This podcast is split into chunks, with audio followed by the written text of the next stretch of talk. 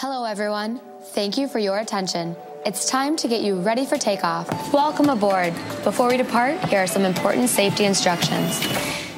Rob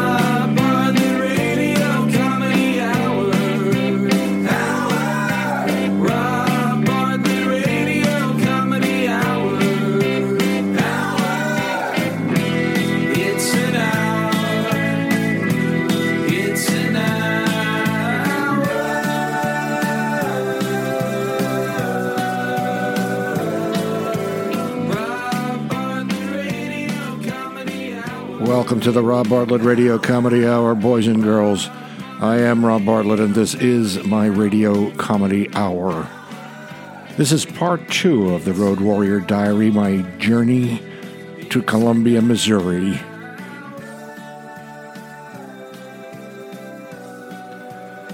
In this episode, I will recount the return of the Robio to New York via American Airlines.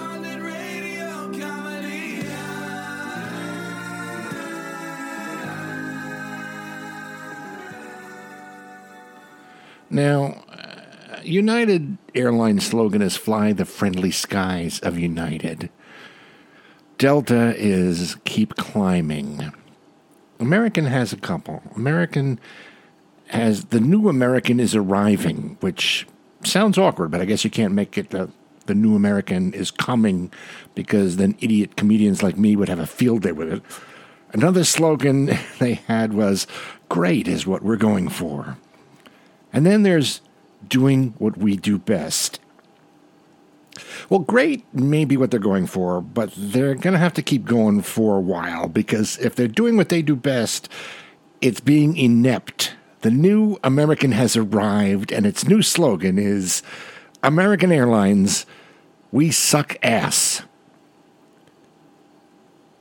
I'm supposed to leave Columbia, Missouri at 4:05 p.m. Central Time. I had been warned it was doubtful that this was going to happen because it's it's Columbia Regional Airport. Basically, that means there are two airlines that fly in and out: United and American.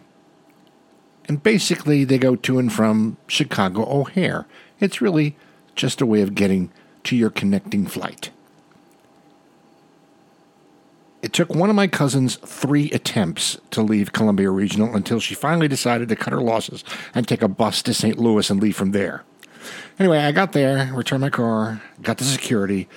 I was the only one online. Now, I've already told you that the, the Columbia Regional Airport is about the size of a small Dairy Queen but they have two queues set up, you know.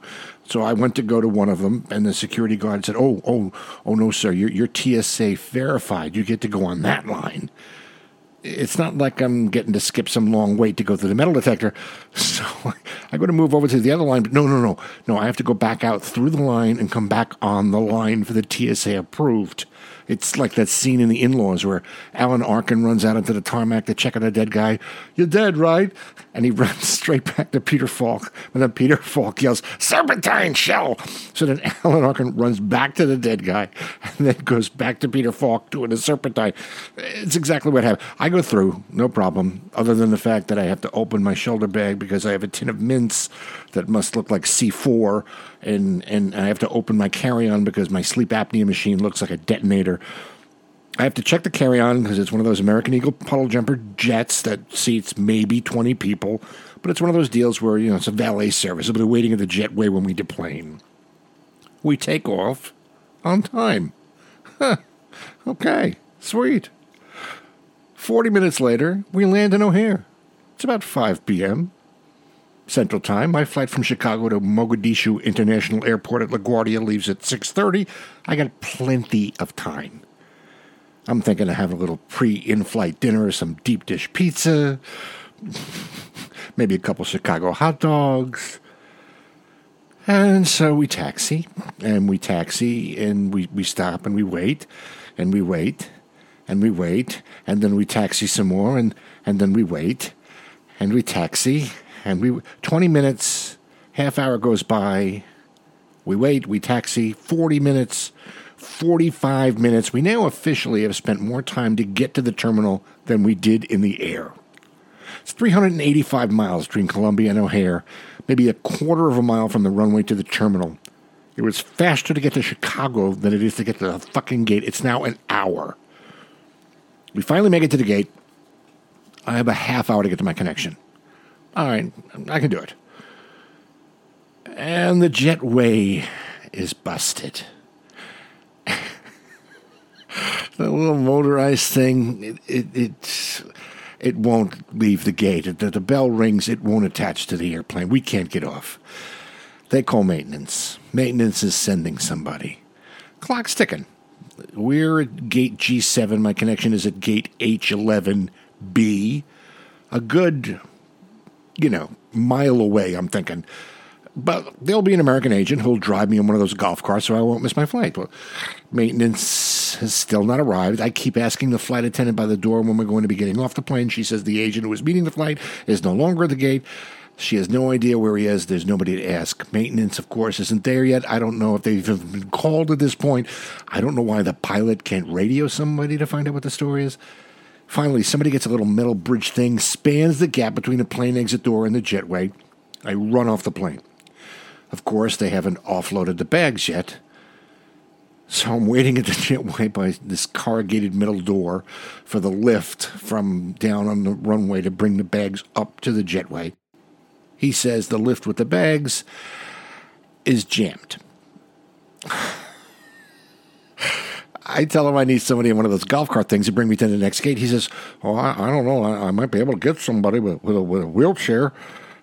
I'm thinking if you don't get my fucking bag off that lift and a golf cart to drive me to my gate, you're going to need a wheelchair. But this dude is not exactly going to be making it to Final Jeopardy anytime soon, if you know what I'm saying. Lift finally works by the grace of God. Corrugated door opens. I knock down an old lady so I can grab my carry on, start running from the gate. I see airport personnel standing next to an empty golf cart. I explain I'm late for my connecting flight. They say, Well, are you infirmed? Because unless you're infirmed, I can't. I see, yes, I'm infirmed. I'm fat and out of shape, and there's no way I'm going to be able to run to the other gate. I said, Oh, no, no, no, you're fine. It's only a five minute walk. Okay, I I start jogging to the H hallway. Of course, it should be, you know, right next to us. We're at G. H should be the next one over. No, no. At O'Hare, K is next to G. We jump past I, go straight to K.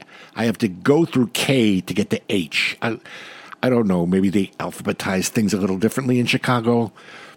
I'm hauling ass. It's 105 degrees in the terminal.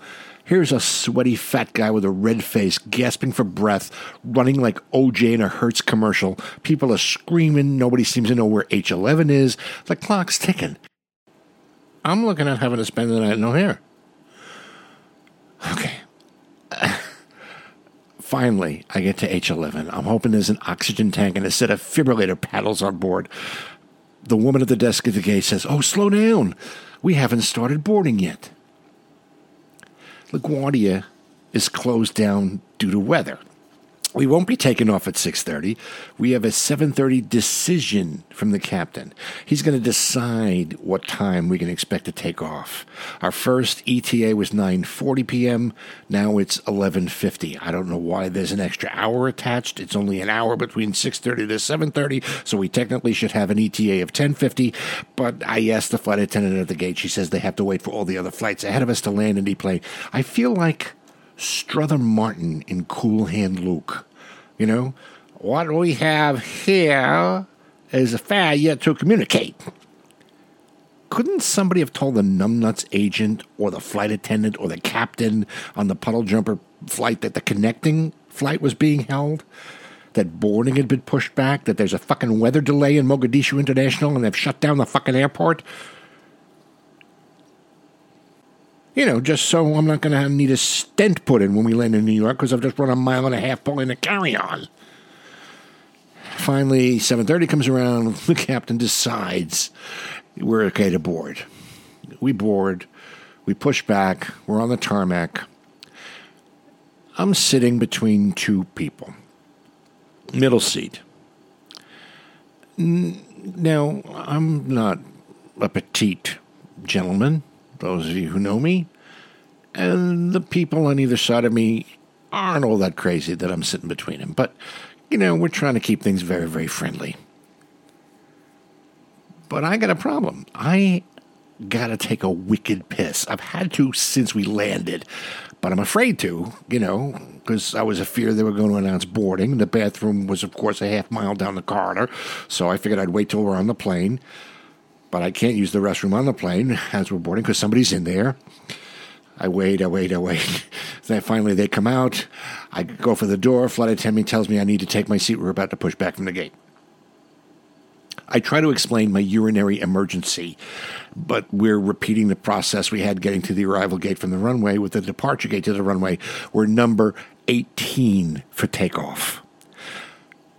I call the flight attendant. I tell him my back teeth are floating. I really need to go to the can. He says, Well, Captain has the fasten seatbelt sign illuminated. I said, I can I can see that Einstein, but my bladder doesn't know how to read. It's been ready to burst since we touched down two fucking hours ago. He says, Well, I can't give you permission to get up out of your seat. So I say, Well, what about if I just jump up and pee and run back to my seat? He says, Whatever, it's on you. If the plane should move while you're out of your seat, you fall, hurt yourself, one of the other passengers, it's on you.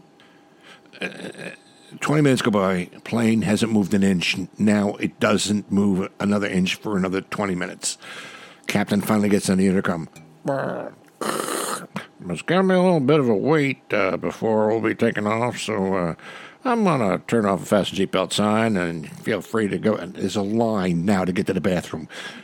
I, I seriously consider pissing in my pants because it's that, but I don't want, you know, because the two people I'm sitting with are actually nice. I don't want to make them uncomfortable for the next two and a half hours we're going to be in the air. If we ever eventually take off, finally, finally, no line at the bathroom. I get up, bing bong, seatbelt sign illuminated. Flight attendant screams at me to take my seat.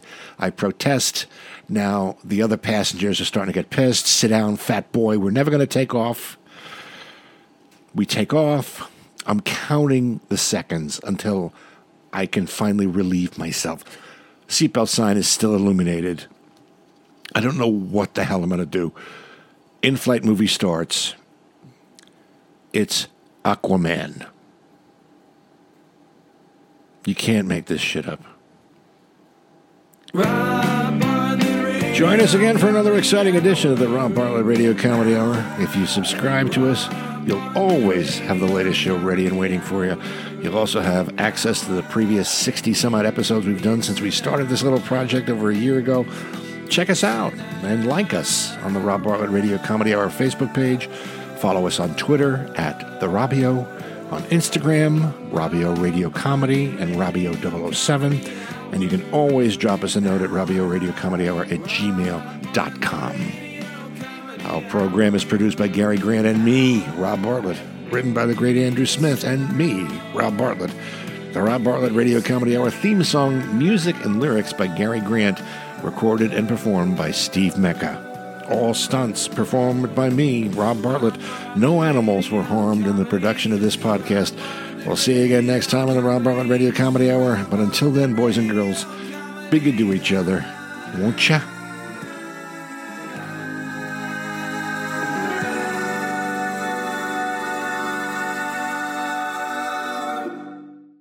We know you have lots of choices, so thanks for choosing American. We're happy to be your airline, and if you need anything, don't hesitate to ask. As always, we're here to make your flight great, because great is what we're going for.